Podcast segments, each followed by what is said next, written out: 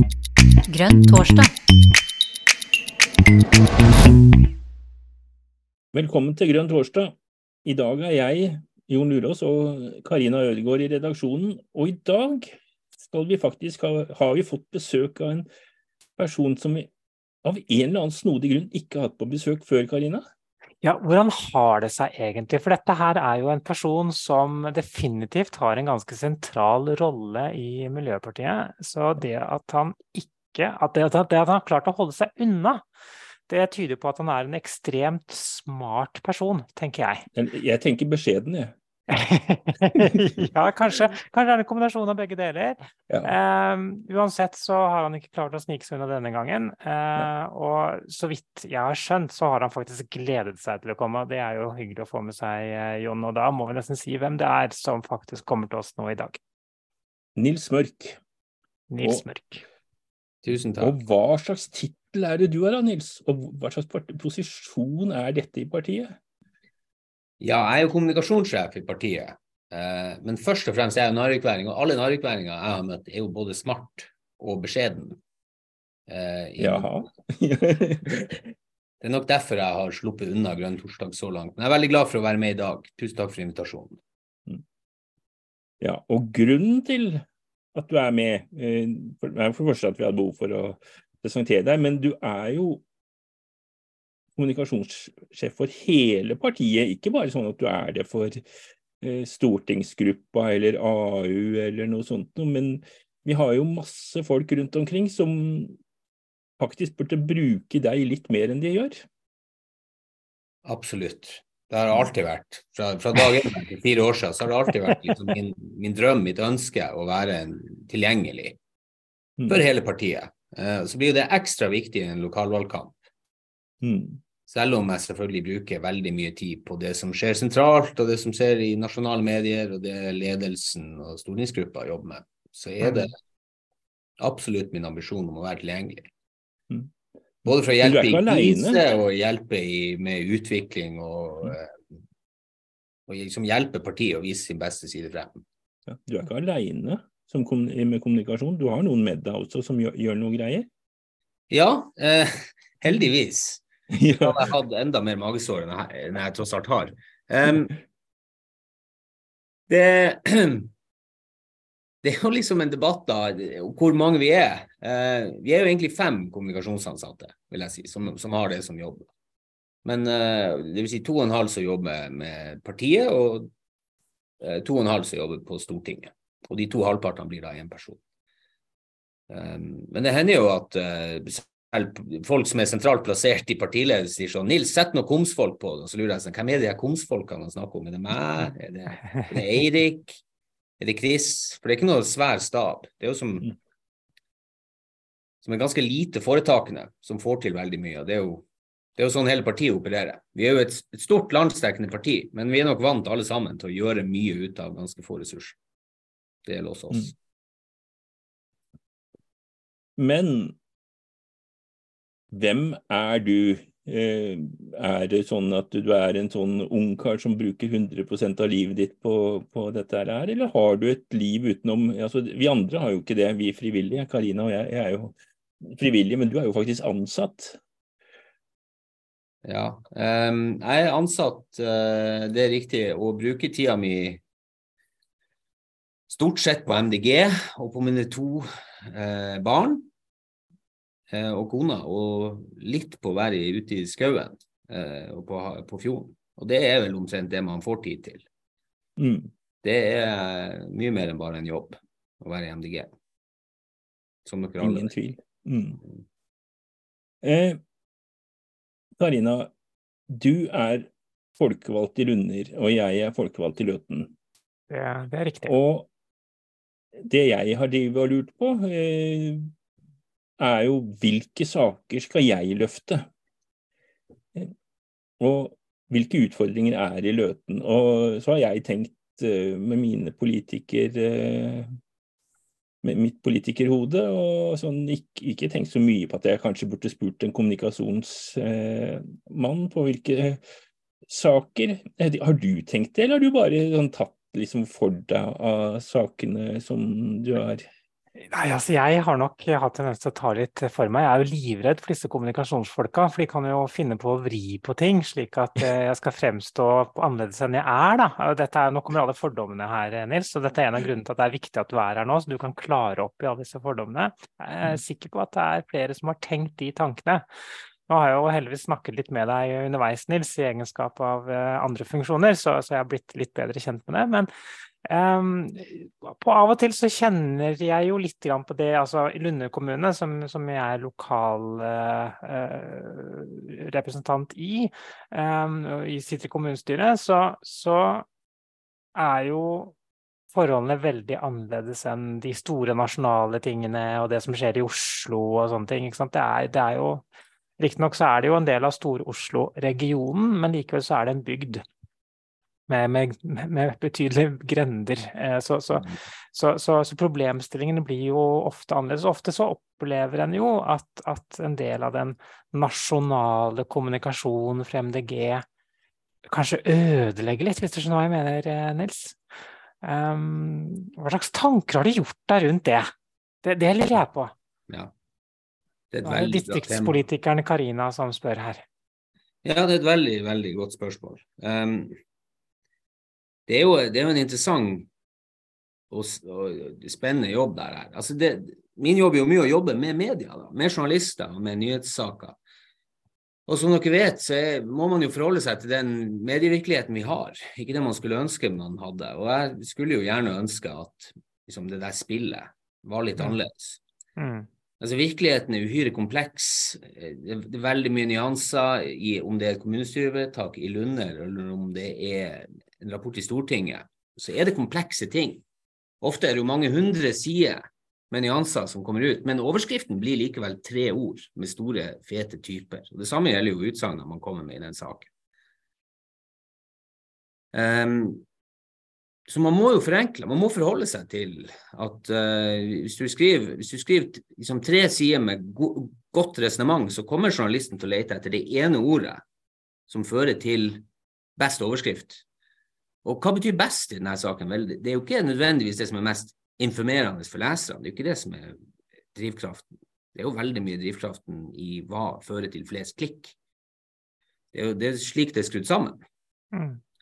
Og gjennom det her filteret, da, som er langt utenfor min og alle andre i politikken sin kontroll, så forsøker man likevel å nå frem til velgere. Vi er jo helt avhengig av å liksom komme frem i media vel, med SoMe kan vi ikke si helt, ikke 100% avhengig, men 80 avhengig som fremstiller liksom, politikken vår og løsningen vår og den visjonen vi har for et bedre Norge på en god måte, gjennom et filter man har veldig lite kontroll over. Så det er litt sånn um, Du kan si at hvis Ok, hvis du sammenligner den norske mediehverdagen da, for å være litt slem med et gjørmebad, så er det vanskelig å komme seg hjem med et gjørmebad uten at man også får litt skit på skjorta sjøl. Mm. Hvordan skulle det se, se ut?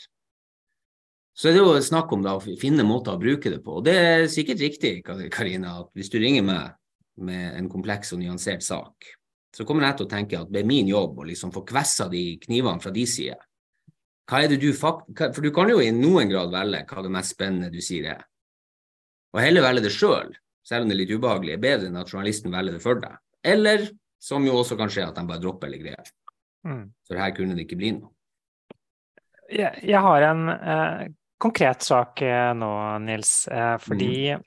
eh, det, i, det, har jo fra noen i partiet vært en kritikk eh, mot at distriktspolitikken ikke har blitt tilstrekkelig synlig. Noen mener at den ikke eksisterer for MDG. Det vil jo jeg på det skarpeste være veldig uenig i, for å si det sånn. Um, og i den forbindelse så, så, så, har jeg uttalt meg i, i Eikerbladet av alle steder. Mm. Um, og, og jeg, da kom jeg vel dit at jeg mente at, at, at uh, dette distriktspolitikken i MDG er noe som, som, som, avisene og pressen finner ganske lite interessant. Uh, så med en gang vi mener noe om det, så, så får det veldig lite omtale. Da spurte journalisten om, de, om jeg mente at ja, er det pressens skyld Og det kan jeg jo ikke si at det er, men det er jo en utfordring for oss. Hvordan skal vi, hvordan skal vi gripe dette her an, slik at eh, vi liksom får synliggjort andre steder enn der vi har de nasjonale profilene i de store byene? Det er et veldig godt spørsmål. Jeg er jo helt enig i at vi har den beste distriktspolitikken. Og de som liksom har eierskap, de som har mest troverdighet på distriktspolitikk i dag, utrolig nok, mener jeg, er Senterpartiet som fører en veldig sånn tilbakeskuende politikk om at det vi skal gjøre i Distrikts-Norge, og gå tilbake til 1962, eh, at det skal liksom bare være dieselbiler og eh, statlige arbeidsplasser som er, som er, det som fører til at ungdommen ikke flytter. Det tror jeg ingenting på. Jeg tror at vår mm. politikk er mye bedre. Men hvordan komme på med det? Nasjonalt sett er det jo vanskelig å komme på med, eh, med distriktspolitikk for MDG. Det er helt riktig. Jeg tror at det må i stor grad komme fra de som jobber i distriktene i MDG, hvis det skal komme. Og Vi har jo en distriktspolitisk talsperson som han Tommy, som vet hvordan det må gjøres, mener jeg.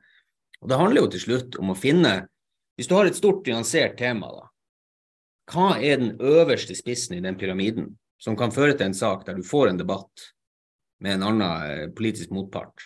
Mm. Det må være veldig spiss hvis den skal komme igjennom. Mm. Uh, så det er liksom som du sa tidligere, det nytter ikke å skylde på media. Det, det er iallfall helt sikkert. Da blir de bare litt småsure, og så blir det i hvert fall vanskelig neste gang. Nei, man skal ta dem på alvor. Um, også fordi at media har jo et direkteforhold til hva velgerne våre i Lunder og i hele landet og i Oslo er opptatt av. Så hvis de ikke ønsker å skrive en sak der vi uttaler oss med litt, sånn, litt vage sitater, så er det nok fordi at de tror at ingen kommer til å klikke på det. Mm. Det vil si at velgerne ikke er opptatt. Så du kan da kan du jo si da kan vi jo skylde på folket, men vi har jo det folket vi har, og dem må vi liksom virkelig forstå oss på. Virkelig ta mm. på alvor. Mm. Um, men jeg tror jo at en distriktspolitisk debatt som handler om liksom fortida eller fremtida mot Senterpartiet, hadde vært fantastisk gøy. Mm. Og uh, til alle de grønne vennene som hører på, hvis noen har gode tanker, og tenker i overskrifta, folkens, så bare ring meg. Det er jeg veldig, veldig på markedet for. Kanskje det blir av deg, Karina, som tenker på det? Ja, det skal du ikke se bort fra. Og jeg håper jo at det er andre som også slår til eh, på det. For det betyr jo Det du egentlig sier nå, Nils, er jo at hvis du savner noe synliggjøring av distriktspolitikk, eh, så har vi en distriktspolitisk talsperson som kan kontaktes. Det er det ene. Det andre er har du en god sak som du mener dette bør vi løfte frem, snakk med Nils, så vil du uansett kunne gjøre en ordentlig vurdering på potensialet for saken, og du vil garantert lete etter folk som kan kjøre den fram, hvis det ikke er vedkommende selv. Jeg, jeg elsker den type drodling. Det er absolutt mm. på markedet for. Det er bare å mm. ringe. Um, mm. Men vær forberedt på at jeg kommer nok til å forsøke å dra dere i en ganske tabloid retning. Da kan du tenke at selv om det er litt, kanskje litt ubehagelig, og det er det jo ofte, for det blir så unyansert, det er bedre at jeg gjør det, som er i partiet, enn at dere møter en VG-journalist som blir å gjøre det på våre vegne. Og da kan det se ut som alt mulig rart. Det er ingen politikere jeg jobber med eller kjenner som ikke av og til opplever at en overskrift er totalt feil. Og Det var ikke det jeg mente, og det var ikke sånn her det skulle bli. Men uh, det er det som er spillet, da. Så kan vi jo litt om hvordan vi kan rydde opp i det der som best mulig, men full kontroll, det får man aldri. Mm. Det er jo det man må, må når man har eh, solgt inn saken, så lever den sitt eget liv. Altså, ut, så eh, jeg tenker jo det at det da altså, Vi forfølger den til den er uh, i media, og så greier vi ikke gjøre, gjøre så veldig mye mer etter det. Og så er utfordringa faktisk å få den i media. Da du, Jon, du, Jon altså du, du, hadde jo under valgkampen eh, som var i 2021, noen eh, utspill hvor du eh, turte å tabloidisere litt, og eh, havnet i Aftenposten og NRK. Hva slags saker var det igjen? Jeg husker jo selvsagt, vil bare høre deg si det. Men eh, eh, som jeg sa i stad, jeg har gått videre. Jeg husker ikke lenger det. Jeg husker, jeg husker at Aftenposten kom på besøk her, og fotografen hadde jo da reist helt fra Oslo bare for å ta bilde av meg utafor garasjen min her. Det var liksom litt voldsomt. Mm. Ja, nei, men det, det, er klart, Det grønne folk som har en garasje, det er ganske stort. Ja, kjør, kjørte dieselbil og bilde av meg i bilen. Det var eh, jeg, jeg, skjønte jo ikke helt at det skulle være verdt en nasjonal sak, men eh, av en eller annen snodig grunn, men eh, det tror jeg ikke vi får til igjen. Nå skjønner folk at eh, også MDG kjører dieselbil, ikke sant. Eller Du er ikke sikker? Noen skjønner det. Noen skjønner det. Men det er jo spennende. Det er jo liksom På samme måte som det var spennende når eh, Bondevik tente en sigar og drakk et glass rødvin, som selvfølgelig mange KrF-ere har gjort og gjør og kommer til å gjøre, så var det spennende. Fordi at det virker som et slags sånn brudd på en Altså, hva er det man er i offentligheten i media, egentlig, som politiker? Man kan tenke at drømmen skal være å være et helt menneske, men i, i virkeligheten så er det, det er mer at man er en slags karakter i et teater. Mm. Og jeg tror i det teatret så har man valget mellom å velge rollen sjøl og tenke at jeg aksepterer at dette blir en rolle. Det blir ikke hele meg. Det blir den rollen. Eller så kan media velge en rolle for deg, og det er ofte mye verre. Um, og så er det det her med liksom å, å, å tørre å være så tydelig. La oss ta en, en, en, debatt som vi har stått i og fortsatt står i, som er om bompenger. Det er jo veldig få der ute som vet at MDG er det partiet som har stemt imot flest bompengeforslag i Stortinget av noe parti. Mm. Og den, den type bompengemotstand fra oss handler jo om store motorveier. Det folk husker, er selvfølgelig at vi gikk ut og sa at vi mener det er veldig mye bra med bomringen.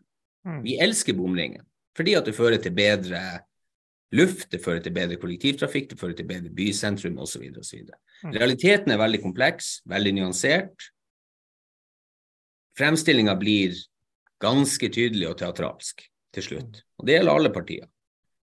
Ja, for det, her er vi jo faktisk inne på en kjerne som faktisk har gjort det litt vanskelig for distriktsprofilen til MDG, nettopp fordi at, at for oss er god distriktspolitikk handler ofte om lite bompenger, eh, men heller ikke store veier. Da, ikke sant? Altså, det, er en, det, er, en, konsekvens av at man ikke ønsker de store veiene også, bare så vi har det på den ene. Det er ikke det at vi på dødelivet ikke vil ha bompenger hvor, hvor, som helst, men, men, men, men, eh, ta Hadeland, da, som er mitt hjerte nær siden jeg bor på Hadeland, eh, så, så popper det opp med, med bommer nå pga. utbygging av E16 og rv. 4. Eh, og ingen av de bommene gjør noe som helst bra for lokalsamfunnet. Eh, det eneste det gjør, er at det betaler for en vei som eh, er med på å skape større trafikkbelastning. Det begrenser ikke trafikken. De som kjører der, de, de kjører der uansett. Så det er kun en sånn betalingsordning. Um, og, og, så begrenser det da bevegelsesfriheten til de som bor i området, i forhold til uh, det å bevege seg både internt, men også mellom Hadelandskommunene. Ergo så er det med på å faktisk forringe livskvaliteten til de som bor i området. Og da mener jeg at det er en bom som i utgangspunktet skal være imot. Rett og slett fordi at det handler om at, eh, at, at, eh, at bommen er med på å skape utrivelig levemiljø. Eh, og vi skal ha gode og trivelige levemiljø. I byen er det noe annet, for der er bommene med på å skape triveligere levemiljø. Mm. Ergo så er så storyen her er jo, er jo, egentlig veldig grei. Det er bare det at den inngangen er vanskelig åpenbart av en eller annen grunn å kommunisere. Selv om jeg opplever at jeg har kommunisert den veldig godt akkurat nå, bare for å være en liten klapp på skulderen til meg selv. du var fortreffelig, Karina. Eh, men det gjør jo, eh, bare for å avslutte det, at, at, eh, at under forrige lokalvalgkamp så, så, tok jeg jo dette opp. Og hver gang jeg sa det, så, så fikk det overskriften. Fordi at en MDG-er som snakket mot bompenger, det var stort. Veldig sånn barnslig. Men, men og, og, så alle, alle, nesten alle på Hadeland vet at jeg er mot bompenger på Hadeland. Så det er aldri så galt at det ikke er godt for noe, det. ja, Nei, nettopp. Da har du jo Altså, du traff, Karina. Traff du blink, rett og slett. Mm. Og så virker det litt sånn, som du sier, barnslig. Mm. For det er jo ikke så enkelt. Og du har et langt resonnement. Men overskriften blir MDG-er som er mot bompenger. Punktum. Ja. Ferdig, ferdig finale med det. Ja. Det å tørre å gå i det der, er jo på mange måter egentlig det det hele handler om. Tørre å være så tydelig at folk skjønner hva man snakker om. Og det handler egentlig ikke om media, det handler som jeg sa tidligere, det handler egentlig om velgere.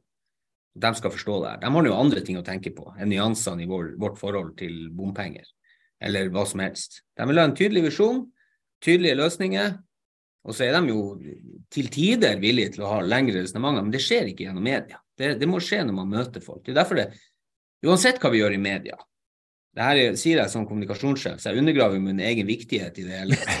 Og det er veldig uvanlig for noen fra Narvik til å gjøre det. Landsmøte. Nei, du blir kanskje ikke valgt på landsmøtet. Jeg blir ikke valgt på landsmøtet. Gudskjelov. Eh, det viktigste vi gjør, er å snakke med dem.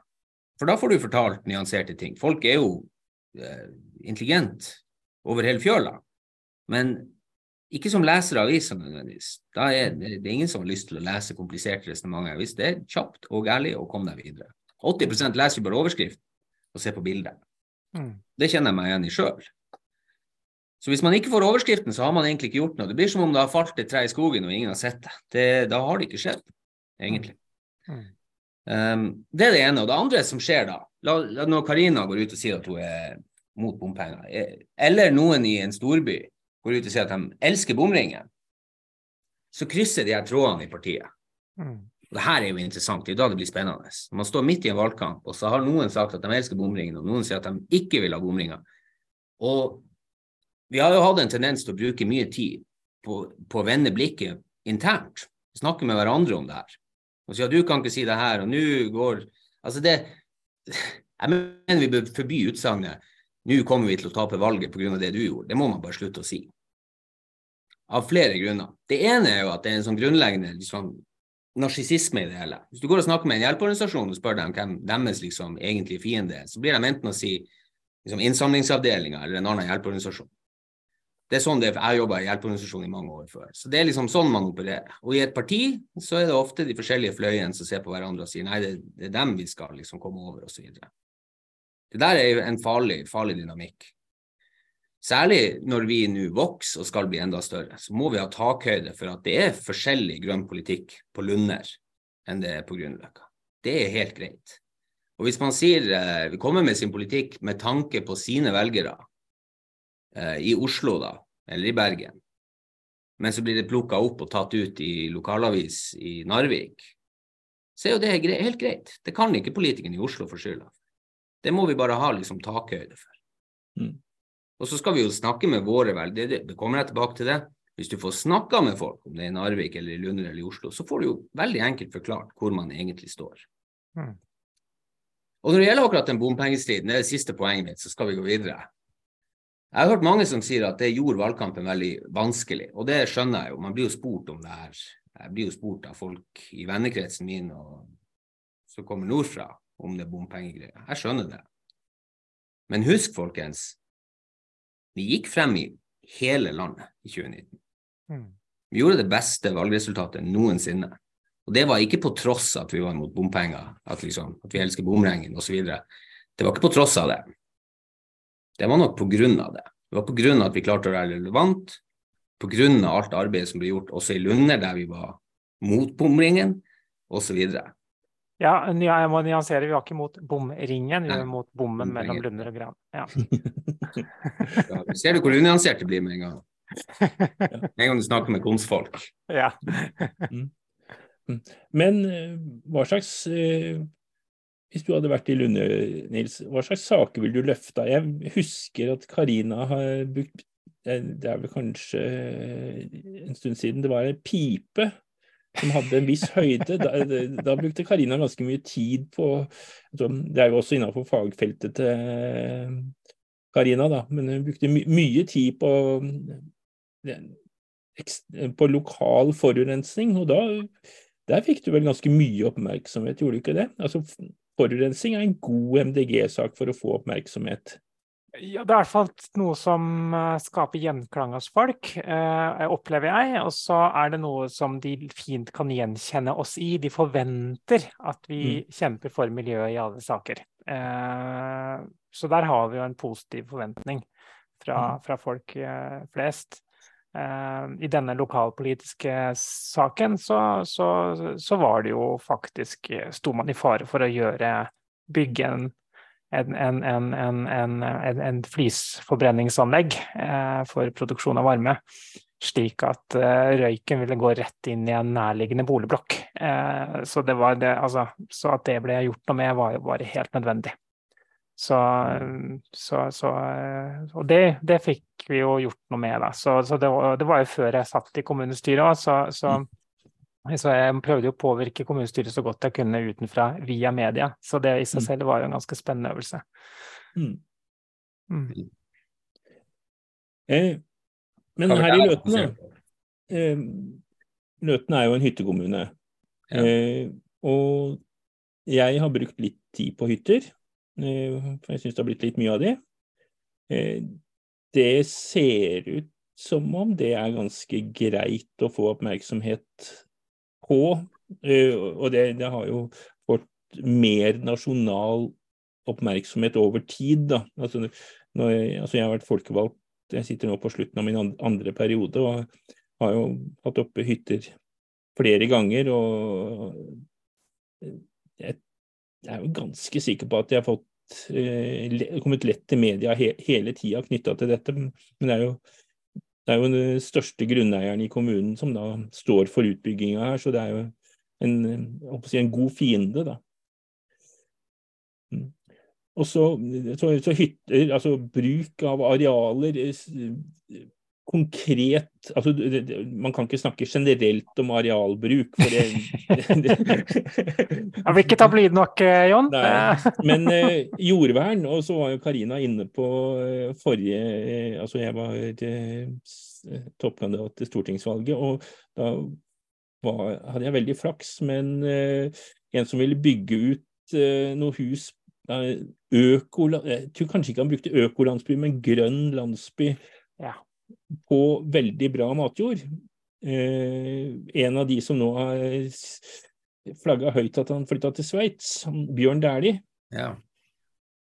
Og der, den saken fikk ganske stor oppmerksomhet. Og altså, da har man jo flaks da med motparten. Men jeg har jo, har jo hatt en del på, på arealbruk på, på, på matjord før. og Jeg snakka med en journalist nå for et uh, par uker siden. Jo, han ville veldig gjerne ha mer på den Bjørn Dæhlie-saken, så det, det, skal vi få til.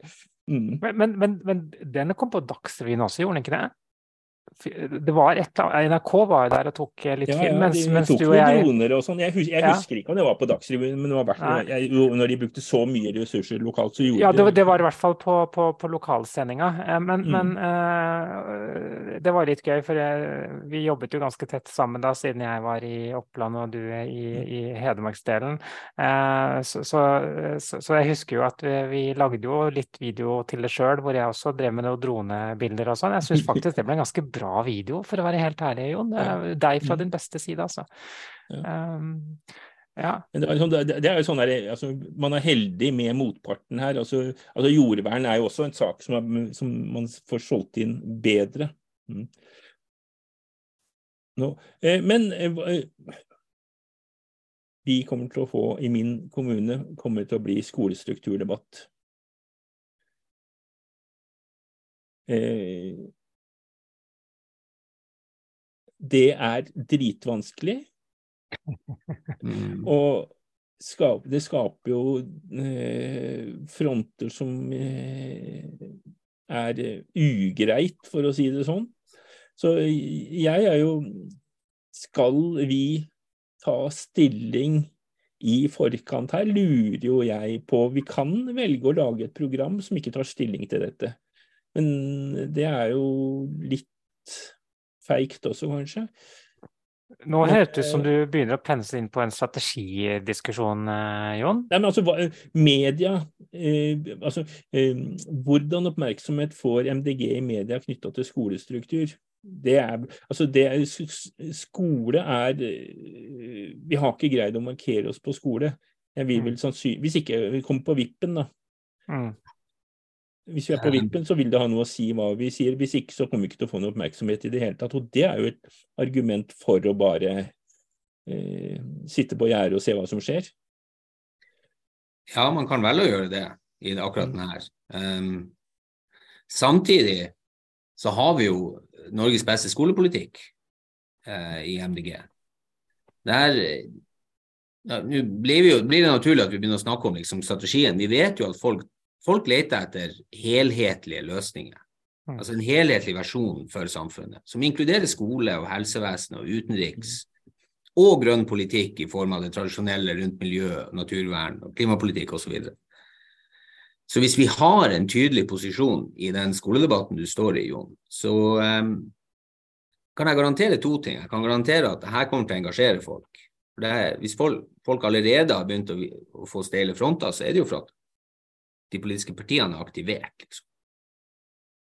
Um, og det igjen jeg mener jeg er et direkte resultat av at dette er noe folk bryr seg om. Folk bryr seg om hvor, hvor barna hvor ungene går på skole, hvor det skal legges. Hvis vi en, en, eh, Hvis du har en posisjon der som skiller seg ut fra de andre, så mener jeg at du absolutt kan vurdere å gå hardt inn i det. Så er det det der med liksom hvor mye politikerkrangling man skal være med på. Det er jo et evigvarende spørsmål, liksom. Folk sier jo på alle Hvis du spør folk ja, vil du at politikerne skal krangle mer, så sier jo alle mennesker sier jo nei. Nå er jeg lei av politikerkrangling.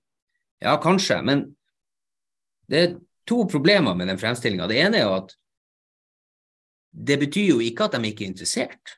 Mm. Det er jo det folk følger med på. Mer enn noe annet er jo det politikerne krangler om. Mm. Fordi at det er engasjerende. Og hvorfor er det engasjerende? Det er jo for at til slutt så er jo politikk Politikk er jo alt. Politikk er jo selve livet på mange måter. Men det er også konflikt i det. Som MDG mener A, Senterpartiet eller Frp mener B. Man er i konflikt. Det betyr ikke det at man skal bidra til å dra det ned på et, et sånn eh, lavmål. Det mener jeg absolutt ikke. Jeg mener at veldig ofte så vinner vi på å føre et ordentlig ordskifte og eh, liksom rolig og nennsomt forklare hva vi står for, men på en tydelig måte. Så jeg mener ikke det. Men, men det at man skal ha en, en, politikk i Norge som ikke har konflikt i seg, det kommer aldri til å skje. Det er det som er gamet. Vi har et program, vi vil at du skal stemme på det, så skal du få det. Noen andre vil noe annet, da får du stemme på det. Det er gamet. Det er demokratiet et nøtteskall. Så ikke vær redd for den konflikten, Jon. Og husk at hvis du havner uti noe som du kanskje klør deg i hodet, hvordan skal jeg komme meg ut av det her, eller nå blir det veldig mye, kan du alltid ringe. Men, men, men Nils, ja, ringe venn. Men Nils, hva, hva, hva, vil du trenge som kommunikasjons, kommunikasjonsekspert for å kunne virkelig feste et bilde av at eh, Miljøpartiet De Grønne, ja, vi jobber for en god skolehverdag for alle for alltid. Altså, hva skal til for at du skal liksom klare å feste den?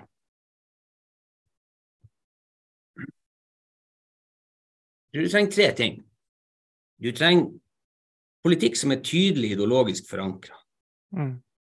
Og hvis, hvis, hvis, du går og leter i grønn ideologi på hva det er med, med vårt syn på skoler som er annerledes enn andre partiene, så finner du det jo. Det handler jo om mer læring gjennom lek, mer fritid, mindre prøver, mindre stress. Uh, vi har jo ikke noen sånn prinsippversjon av hvor skoler skal ligge, men vi vil jo gjerne at folk skal ha tilgang lokalt. At det skal liksom, vi liker jo ikke store enheter, sånn svære skoler der du blir en liten brikke i et stort maskineri. Vi foretrekker jo mindre ting. Så mye ligger jo der. Og mye av det er veldig annerledes enn ja, Ap og Høyre sitt, f.eks. Som, er, liksom, som er prøver og PISA-tester. Liksom vi skal produsere. Vi må jo kvantifisere ungene så tidlig som mulig, virker som å være ideologien til liksom, de såkalte styringspartiene. Mm. Og så skal vi gjøre det så effektivt som mulig. Og så skal vi liksom forberede dem på å gå ut og da, og tjene masse penger. Det er vel det som er ideen. At folk skal bli så effektive som mulig. Det er en sånn samlebåndstankegang der som er stikk i strid med det vi står for. Mm. Og den andre tingen er jo det, da. At du har en tydelig forskjell. At det er tydelig at hvis du stemmer på MDG, så får du noe annet enn hvis du stemmer på Ap og Høyre. Mm. Og det tredje er jo det, da, at det må være noe folk forstår. Noe folk bryr seg om og kjenner mm. seg igjen i. Men liksom, alle de store politiske bevegelsene som har kommet eh, og gått i stor grad, har jo vært har jo, har jo, fått en posisjon for at de svarer på sin tids store spørsmål. ikke sant? Mm. Um, åpenbart liksom arbeiderbevegelsen og, og, trang, og liksom behovet for å ha en velferdsstat og et sikkerhetsnett og folketrygd osv. Og, så og Venstre før det med, med, demokratiske rettigheter og stemmerett og kvinners stemmerett osv. osv. Men også på 80-tallet, når høyrebølgen kom i Norge, så var det ikke lov å se på noe annet enn NRK. Det var det man hadde lov til. Det var ikke lov å skate, husker jeg da jeg var liten. Det var ulovlig å selge rullebrett i Norge. Fordi at det hadde vi ikke hatt før, det trengte vi ikke. Vi trenger ikke det. Så den, liksom, den frihetsfølelsen du fikk i høyrebølgen, var jo det de traff. da. Det var jo grunnen til at det gikk frem. Ulempen var jo jappetida, og at vi fortsatt sliter med liksom, overforbruket rundt det hele. Men det kom ikke av ingenting. Og nå står vi der at vi står vi, vi er, som Samfunnet kjører inn i en klimakrise, i en naturkrise. I tillegg så har vi nå en større og større sånn mentalhelsekrise pga. stress og press og overarbeid og effektiviseringstenking. Og alle de tingene er det MDG som svarer best på. Så jeg mener jo at vår tid er kommet nå, også i skolepolitikken i Innlandet, Jon. Det mener jeg helt sikkert. Eh, jobben er bare å Ja, hva er jobben, da? Hvorfor, eh, hvorfor er det så vanskelig å bygge en ny, stor politisk bevegelse? Som jo har tatt noen tiår. Jeg, jeg tenker at av og til så er vi litt utålmodige, har jeg tenkt. Og jeg er veldig utålmodig sjøl. Liksom, hvor lang tid tok det fra Det norske Arbeiderparti ble, eh, ble oppretta til Gerhardsen ble statsminister første gang? Det tok noen tiår. Hvor lang tid Altså, det tok jeg vet ikke, 15 år fra Erna ble, eh, ble Høyre-leder til hun fikk eh, bli statsminister. Vi må ta tida til hjelp. 60 år før, før Gerhard. For jeg lurer på om de har stifta ca. 1885. Og så ble han statsminister i 1945. Mm. Hvor lang tid har vi igjen da før vi har statsminister i Norge, Jon? Fra 1988? 1988 Ja, nei, da bare ja, okay. 2048, da. Det er litt seint. Jeg kjenner det jo. Men Nils, eh, det har vært eh, laga en ny, over lang tid så har det blitt utarbeida en ny valgkampstrategi og nye slagord, du. Ja. Og vi som trodde vi skulle leve for mennesker og miljø til evig tid, Karina, ja, det var kanskje litt overdrevet, men eh, Ja, men vi lever for mennesker og miljø for alle for alltid, vi Jon, gjør vi ikke det? Jo. det er veldig bra. for, for disse uh, nye slagordene, hvordan skal vi få brukt de? Og hva er det? For det er ja. vel kanskje Det har vi jo endelig vedtatt de nå. Nå har vi vedtatt både slagord og nye prinsipper for kommunikasjonsarbeidet vårt. Ja. Og Hva slags merke er det du har på jakka di? Her, sånn jeg, var, jeg, hadde gleden av å være med i Stortinget i går med Ukraina. Ah. Ja. Så jeg fikk den her av Ukraina. Det er den nye profilen, Karina. Ja, eh, For de som da bare hører oss, så var det da en pinn med det ukrainske og det norske flagget på. Ja. Jeg ville syntes det hadde vært vanskelig å gå med en pinn bare med det norske, men med det ukrainske siden så ble jeg litt sånn stolt. Ja. ja. Nei, men nå kom igjen, Nils. Jeg avbrøt deg. Ja. Mm. Etter eh, at vi gjorde eh, en uhyre tung, men svært god valgkamp i 2021, som jo var det beste valgresultatet vårt noensinne, men likevel ikke helt som vi hadde håpa, så var det på tide å, tenke, å, å, sette seg ned og tenke om igjen. Av og til for å tenke fremover, så er det lurt å også se bakover. Vil si se hva man har gjort, hva man har lært, og, og bygge videre. Og utvikle seg på en, liksom en, en ærlig, intellektuelt ærlig måte med seg sjøl. Um, ehm, og det er, jo, det er, jo, utgangspunktet for alt det arbeidet som har vært gjort i ledelsen, og jeg har vært med på deler av det siden da. Um, og det første jeg vil si, er jo kanskje at noe av det første vi liksom fikk til, da, var jo å ta tilbake løvetann i den, liksom, den nye grafiske fremstillinga. Det tror jeg alle som hører på, iallfall alle MDG-erne, har lagt merke til. Det tror jeg var nødvendig. Å, å, få noe inn der som, virke, som var i live, noe som levde litt. Noe som var basert på, de, på ideologien. Um, og så har vi jo lagt en ny, uh, en ny måte å tenke rundt kommunikasjon på, rundt de her prinsippene. Og, det, og det, de seks ganske enkle prinsippene mener jeg er en slags oppskrift på å overleve og fremstå som MDG på en positiv måte i det her medielandskapet som jeg, som jeg har snakka om mye. Som er liksom tabloid, og som er skandaleorientert, og som er veldig, veldig forenklende. Men at vi skal være flinke da, til å snakke om løsningen, og ikke bare snakke om problemene. Folk, folk rundt oss skjønner jo at, det, at vi står i mange kriser. Det, det, folk vil høre, er jo hvordan skal MDG løse de krisene? Hva er det vi skal til med? Hva er løsningen deres? Det å komme liksom med et optimistisk eh, og løsningsorientert budskap er viktig. Og det kommer ikke til å være lett, for det er ikke det du får i overskriften nødvendigvis. Selv om det er det du har lyst på i overskriften. Så da må man bare være dobbelt så hard på å presse det gjennom. Og si det mange ganger, og ringe journalisten og sjekke de sitatene, og osv. osv. Um, det tror jeg er uendelig viktig. Særlig nå vi vet det. Liksom, hvis du spør unge folk i dag, så har de, de har, veldig mange av dem har gitt opp den kampen. De tenker at den klimakrisen kommer til å bli så ille som den blir. For at det er jo, Hvis du ser det rundt i norsk politikk, så er det jo denne nye regjeringa har jo nylig åpna 92 nye oljefelt, akkurat som vi visste de kom til å gjøre, på tross av alt snakk om klimaløsninger osv. Det er ingen overraskelse, men det er likevel ganske skremmende. Og det andre å være flink til å huske hvem man snakker for. Liksom, jeg, jeg har jo hørt den fleipen på kontoret at liksom, mellom myrjorda og havet og, og, dyrene, hvem av dem er det som stemmer? Og Det er jo en liksom fleipete måte å, å, få oss alle til å huske at som Karina sier, det handler jo om mennesker. Det er mennesker i Norge som har stemmerett. Fremtidige generasjoner til og med har ikke stemmerett. Skal du snakke om fremtidige generasjoner eller myrjord, så må du snakke til de mennesker, reelle menneskene som bryr seg om de spørsmålene. Så hvem er det man snakker på vegne av? Hvem er det man kjemper for? Og i samme slengen, da, hvem er det man kjemper imot? Der har vi jo vært, mener jeg, eh, altså Vi har jo fiender i, i, norsk politikk. Vi har, jo folk, vi har jo andre partier som ikke vil at det skal gå bra med oss, som advarer folk om å stemme på oss. Um, og det er de vi utfordrer. Og hvis vi ikke utfordrer dem direkte, som jeg snakka om tidligere, og viser at det er en politisk konflikt, så kommer de til å mene at det er folk flest vi utfordrer. At vi er kjipe med folk for at de skal kjøre dieselbilen sin jobb. Um, eller at vi er kjipe med folk som ønsker å ta seg en burger. Men det vi utfordrer, er jo det politiske systemet. Det er jo de som, de som setter liksom, momsreglene for kjøtt mot grønt. De som leter etter mer olje. De som tar beslutninger. Det er de vi utfordrer.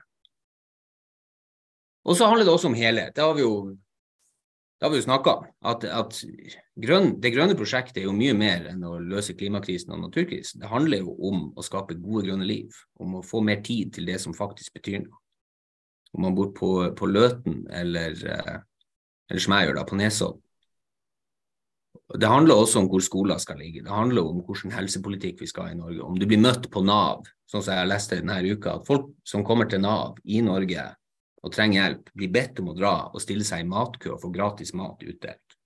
På Arbeiderpartiets makt er også noe MDG har et veldig tydelig syn på at det ikke er akseptabelt.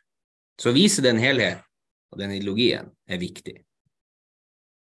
Og til slutt et veldig enkelt et, som er at man skal snakke om det man elsker, ikke bare snakke om det man er imot. Og siden alle i media kommer til, kommer til å ønske overskriften om hva man er imot, det er det som er spennende, liksom. De ønsker det mest konfliktfylte. Da må vi snakke dobbelt så mye i brødtekst og ingress og i direkte møte med folk om hva det er vi kjemper for. Og Der har vi mye til felles med alle de 94-96% av norske folk som ikke har stemt på oss enda. For alle i Norge, de aller fleste i hvert fall, er veldig glad i naturen. De aller, aller fleste ønsker at ungene skal ha det godt på skolen og ikke bare bli testa og pressa i hjel. De aller, aller fleste ønsker å løse klimakrisen og ønsker å verne natur, osv. Så, videre. så det finnes en, det en klangbunn for vår politikk, utvilsomt. Eh, og de prinsippene er da et forsøk på å hjelpe folk. Å liksom ha noe som er enkelt, som folk kan bruke i sitt daglige møte med om det er Bø Blad eller Dagbladet.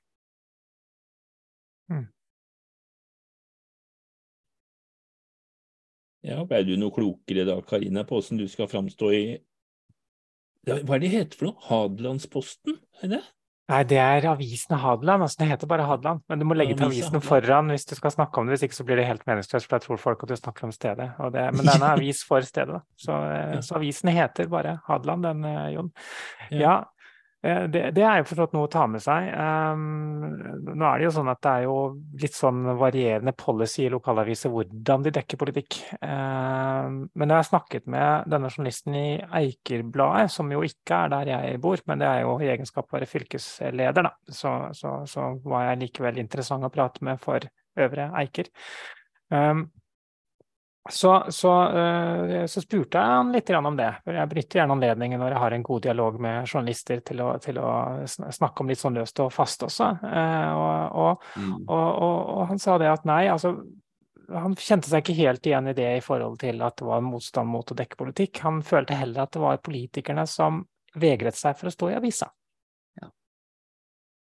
Og det er jo også en interessant eh, problemstilling. Er vi for redd for å være til stede i avisa på en måte som gjør det interessant for avisa å ha oss der. Eh, så det er jo egentlig sånn, eh, en liten lissepasning til kommunikasjonsrådgivere på en måte, da, kjenner jeg. Fordi det er det journalisten sier. Hvis du ikke skjønner hvordan du skal gjøre det, så skaff deg en kommunikasjonsrådgiver så, som, som, skjønner at her må du være villig til å, til å, liksom å slippe deg litt løs. Ikke komme bare, bare mye viss og matte og mange mange, mange, ja, dersom slik, så slik, og nei, ikke da. ikke sant? Altså nyanserer ting i hjel, da.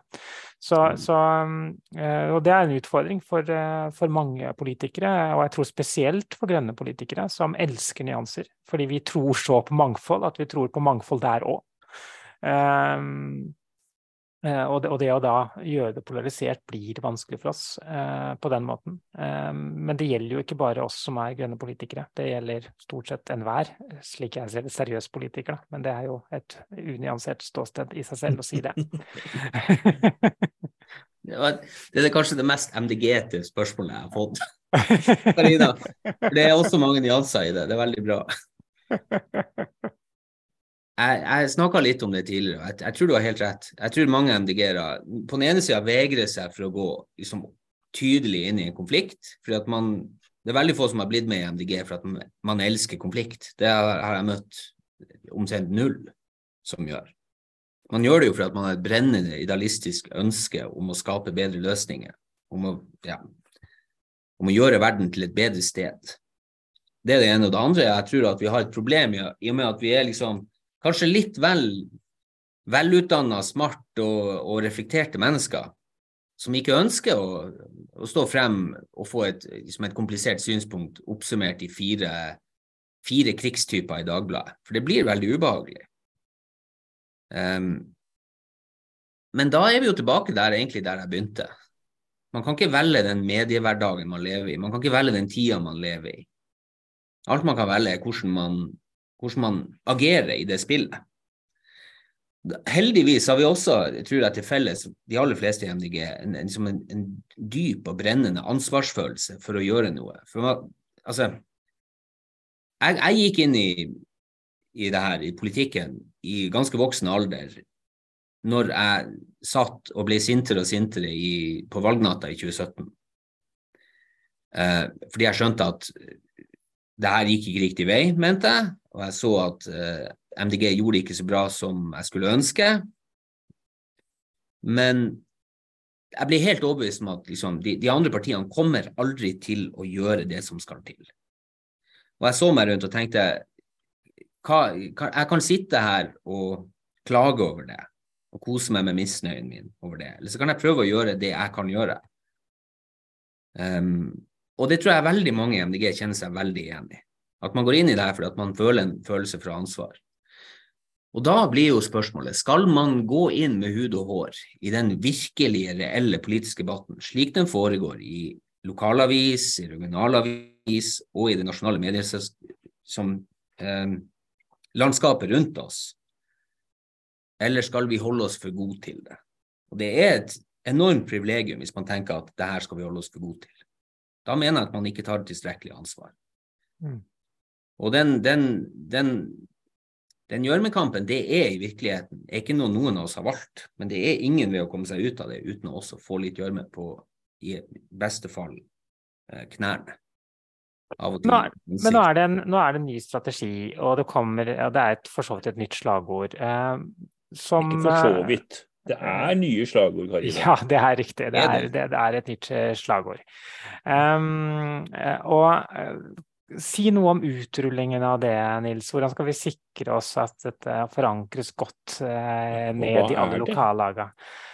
Ja, hva er det? Jeg har jo egentlig hintet litt frempå deg, Jon, men uh, Nils skal få lov til å få ordet, han. jeg kan først snakke om slagordet, for det fikk jeg ikke nevnt sist. Altså, Vi har jo vedtatt nå et nytt slagord som heter 'For alle, for alltid'. Og Det er også en del av det her med å ta løvetann tilbake og gå litt tilbake i vår egen ideologi og finne noe solid å basere det på. Så kort sagt så er det jo basert på det utvida solidaritetsprinsippet. Um, at vi har solidaritet med hverandre, med fremtidige generasjoner, folk i andre land og dyr og naturen rundt oss. Så i den forstand er det for alle. Og det som handler om for alltid, handler om at my mye av det som skjer i norsk politikk, og det har vært veldig tydelig de siste året, er kortsiktige løsninger. Det er plaster på såre-løsninger hele veien. Mens vår politikk er fundamentert på ideen om at vi skal løse ting som varer over tid. Vi skal verne naturen ikke bare inntil vi ønsker motorvei over Lågendeltaet likevel, ved neste korsvei, men for alltid. Mm. Det skal vare. Vi skal ha en fremtid også til våre barn og etterkommere. Sånn sett så tror jeg det, så jeg er veldig glad i akkurat den delen. Og det tror jeg er det som gjør at det kan vare over tid. Og så liker jo jeg også at det nok kan oppfattes provoserende for andre partier og for folk som ikke liker MDG. At vi skal liksom ta på oss at vi har politikken for alle for alltid. Men det har vi jo. Så hvis vi må forklare det, hvis vi blir sittende i en, i en debattsituasjon La oss si da med Sylvi Listhaug som sier det her, det her er ikke for alle for alltid. Så jo veldig veldig gøy å påpeke at også Sylvi Listhaug trenger et fungerende økosystem for sin mat og sin luft. Og også hun og hennes etterkommere trenger en planet man kan ha et, liksom en, livsstil som Eller et liv som minner om det vi har i dag, osv. Jeg tenker at de to elementene sammen gjør det her til et veldig godt slagord. Mm. Eh, og så liker jeg også at det, er, det er jo liksom et utsagn. Det er veldig lett å bruke i en tale eller et innlegg og si at vi ønsker ikke en korttidsløsning, vi ønsker en løsning for alltid. Eller det her skal ikke bare fungere for de som ønsker å kjøre bil, men for alle, osv. Det er veldig lett å bruke retorisk. Og der sier jeg til alle i MDG som hører på, her er det bare å kjøre på. Tilegne dere det her liksom i måten dere snakker på når det passer. For det, det, det her er slagord som er eldre enn ja. Unnskyld? Det, det å dele det opp som du gjorde der, altså bruke da for alle i edsetning og for alltid I en annen det var en vinkling jeg ikke engang hadde tenkt så nøye på. Det... Nei, det er jo nytt, Jon, så det, det får du eh, fritak for. Det er greit. Ja. Og så spør, spør Karina om hvordan vi skal rulle det her ut. Vel, det her, det vi gjør akkurat nå, er jo det første jeg gjør for å rulle det ut. Um, men um, vi, skal ha, vi skal ta det opp med listetoppene på samling med dem. Og så hadde jeg tenkt kanskje å invitere alle i partiet som har lyst til å ha et digitalt møte med meg og bare komme med alle mulige spørsmål um, i første omgang. Utover det så er det litt sånn hvis noen har gode ideer til hvordan jeg kan hjelpe til, liksom formulere bruken og sånn, på det her for et lokallag eller et fylkeslag, vær så snill, bare ta kontakt. Jeg er jo kommunikasjonssjef for hele partiet, ikke bare fra Arild og de andre her nede i Oslo. Ja, for det er også et viktig poeng, dette her eh, grensesnittet lokalt kontra nasjonalt. Eh, og det du sier her, er jo at eh, hei, jeg er også for lokallagene, og ikke bare for nasjonalt. Det tror jeg trenger å, å, å synke inn for mange, faktisk. Mm. Ja, det tror jeg òg. Jeg blir jo ja, det hender jo at jeg blir nedringt. Men stort sett så er det fortsatt mer plass til at folk kan ringe meg. Og det jeg kan si er liksom Det kommer jo an på hva det gjelder. Men hvis folk står i en eller annen mediekrise, de har plumpa uti noe de ikke helt ser rekkevidden av, hvordan de skal komme seg ut av Med andre ord, hvis du føler du er i krise, så kan du alltid ringe. Mm. Hvis du er MDG-er. Og så er jeg og det lille tross alt teamet mitt tilgjengelig for å hjelpe folk med strategi, for å hjelpe folk med å finne saker, for å hjelpe folk å liksom utvikle sin politikk. Det, det er jo lokalpolitikerne eh, i MDG som mener jeg er den største styrken vår. Jeg, jeg var jo, her har jeg ikke fått nevnt, her er spennende. Jeg var i Sverige hos de svenske De Grønne eh, og snakka om deres valgkampstrategi for å se hva vi kan lære av dem, og, og motsatt av hva de kunne lære av oss. Og vi, vi har uhyre like liksom, eh, utfordringer. De forsøker også å vise mer helhet og vise, snakke mer om hva de, eh, løsningene sine osv. Så, videre. så på veldig mange måter er det identisk, men det er én stor forskjell.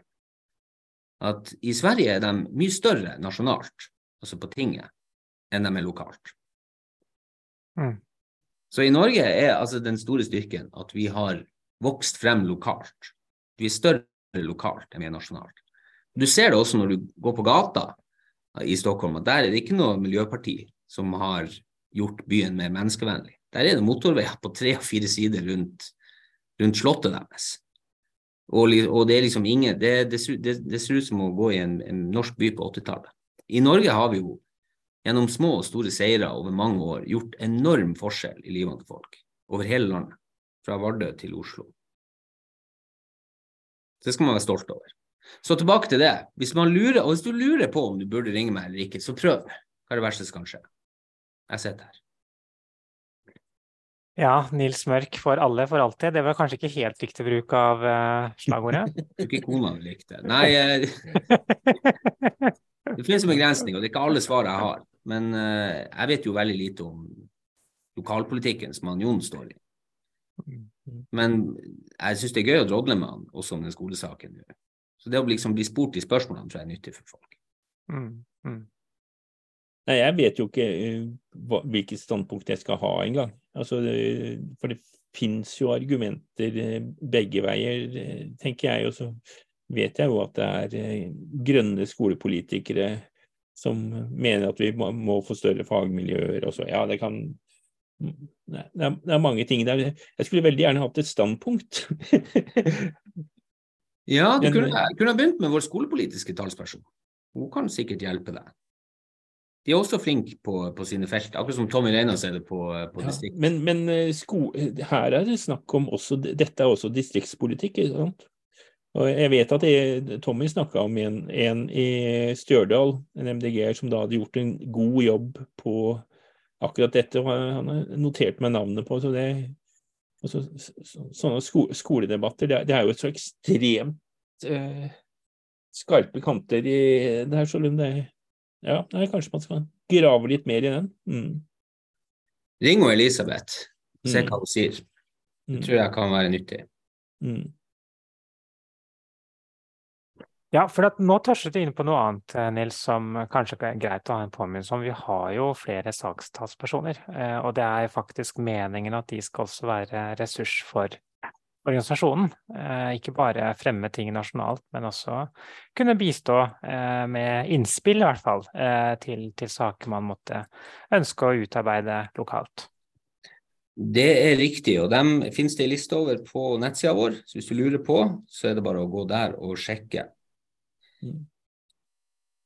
Hvis de blir nedringt, så vet de at det er meg de skal komme og bli syke. mm. veldig, veldig bra. Ja. Veldig bra. Ja. Nei, men eh, vi har jo eh, fått litt eh, ny kunnskap i dag, Karina. Ja, absolutt. Altså, denne timen gikk fryktelig fort. Eh, jeg skjønner ikke hvor den ble av, eh, så, så, jeg vil gjerne innvilge en ekstra time eh, til alle grønne folk der ute. For alle, for alltid. Prøver alle mulige måter å teste ut dette slagordet på. Det er ikke alt som funker like godt, kjenner jeg. Eh, men, men, jeg tenker med god trening så finner vi de gode måtene. Og det jeg har i hvert fall skjønt, Nils, det er jo at når man skal snakke om for alle, for alltid, så handler det om kontekst. Det å sette det inn i en kontekst hvor vi viser at dette gjør vi for at alle skal kunne ha det bra, eller alle skal kunne få dette gode, eller ha dette gode. Og vi gjør det for at det skal være noe som varer. Eh, så, så, så lenge vi klarer å beholde den konteksten, vi ikke begynner å snakke om MDG for alle for alltid, så, så tror jeg det skal gå bra. Det er riktig å ha litt is i magen når, eh, når han Alstadheim skriver sin morsomme kommentar om det hele. For den skriver han uansett hvilket slagord man ja. får på. Ja. Og det er klart at Hvis andre ønsker MDG for alle for alltid, så er det jo bare å ta av seg hatten og si vær så god, det skal vi prøve å jobbe for. det er veldig bra. Ja, men Bra. Vi har gått over til timen vår nå, Jon. Um, Nils, hvordan har det vært? Har du fått fram det du føler er viktig å få frem som, som kommunikasjonssjef? Absolutt. Um, I den grad jeg hadde man, så, Vi komsfolk har jo alltid et hovedbudskap. Mm. Jeg tror mitt er jeg gleder meg til valgkamp. Og mm. jeg gleder meg til å se partiet våkne mer og mer og mer. Det er jo i gang. Mm. Husk at vi er gode på valgkamp, folkens. Vi ligger godt an. Dette skal bli bra. Og da tenker jeg at det er en grei avslutning. Fordi at uh, det viktigste vi gjør i dette valget her, er at vi i tillegg til at vi skal fremme budskapet vårt, og gir folk noe å stemme på, er at vi har det gøy. Og har det gøy når vi jobber med disse tingene. Det er jeg gleder meg veldig sjøl. Hør, hør. Supert. Tusen takk for at du kom innom, eh, Nils. Takk for meg. Takk for at jeg fikk komme. Den er Lykke til i ballkampen Ja, er jo, den er jo fullt fart. ha det bra.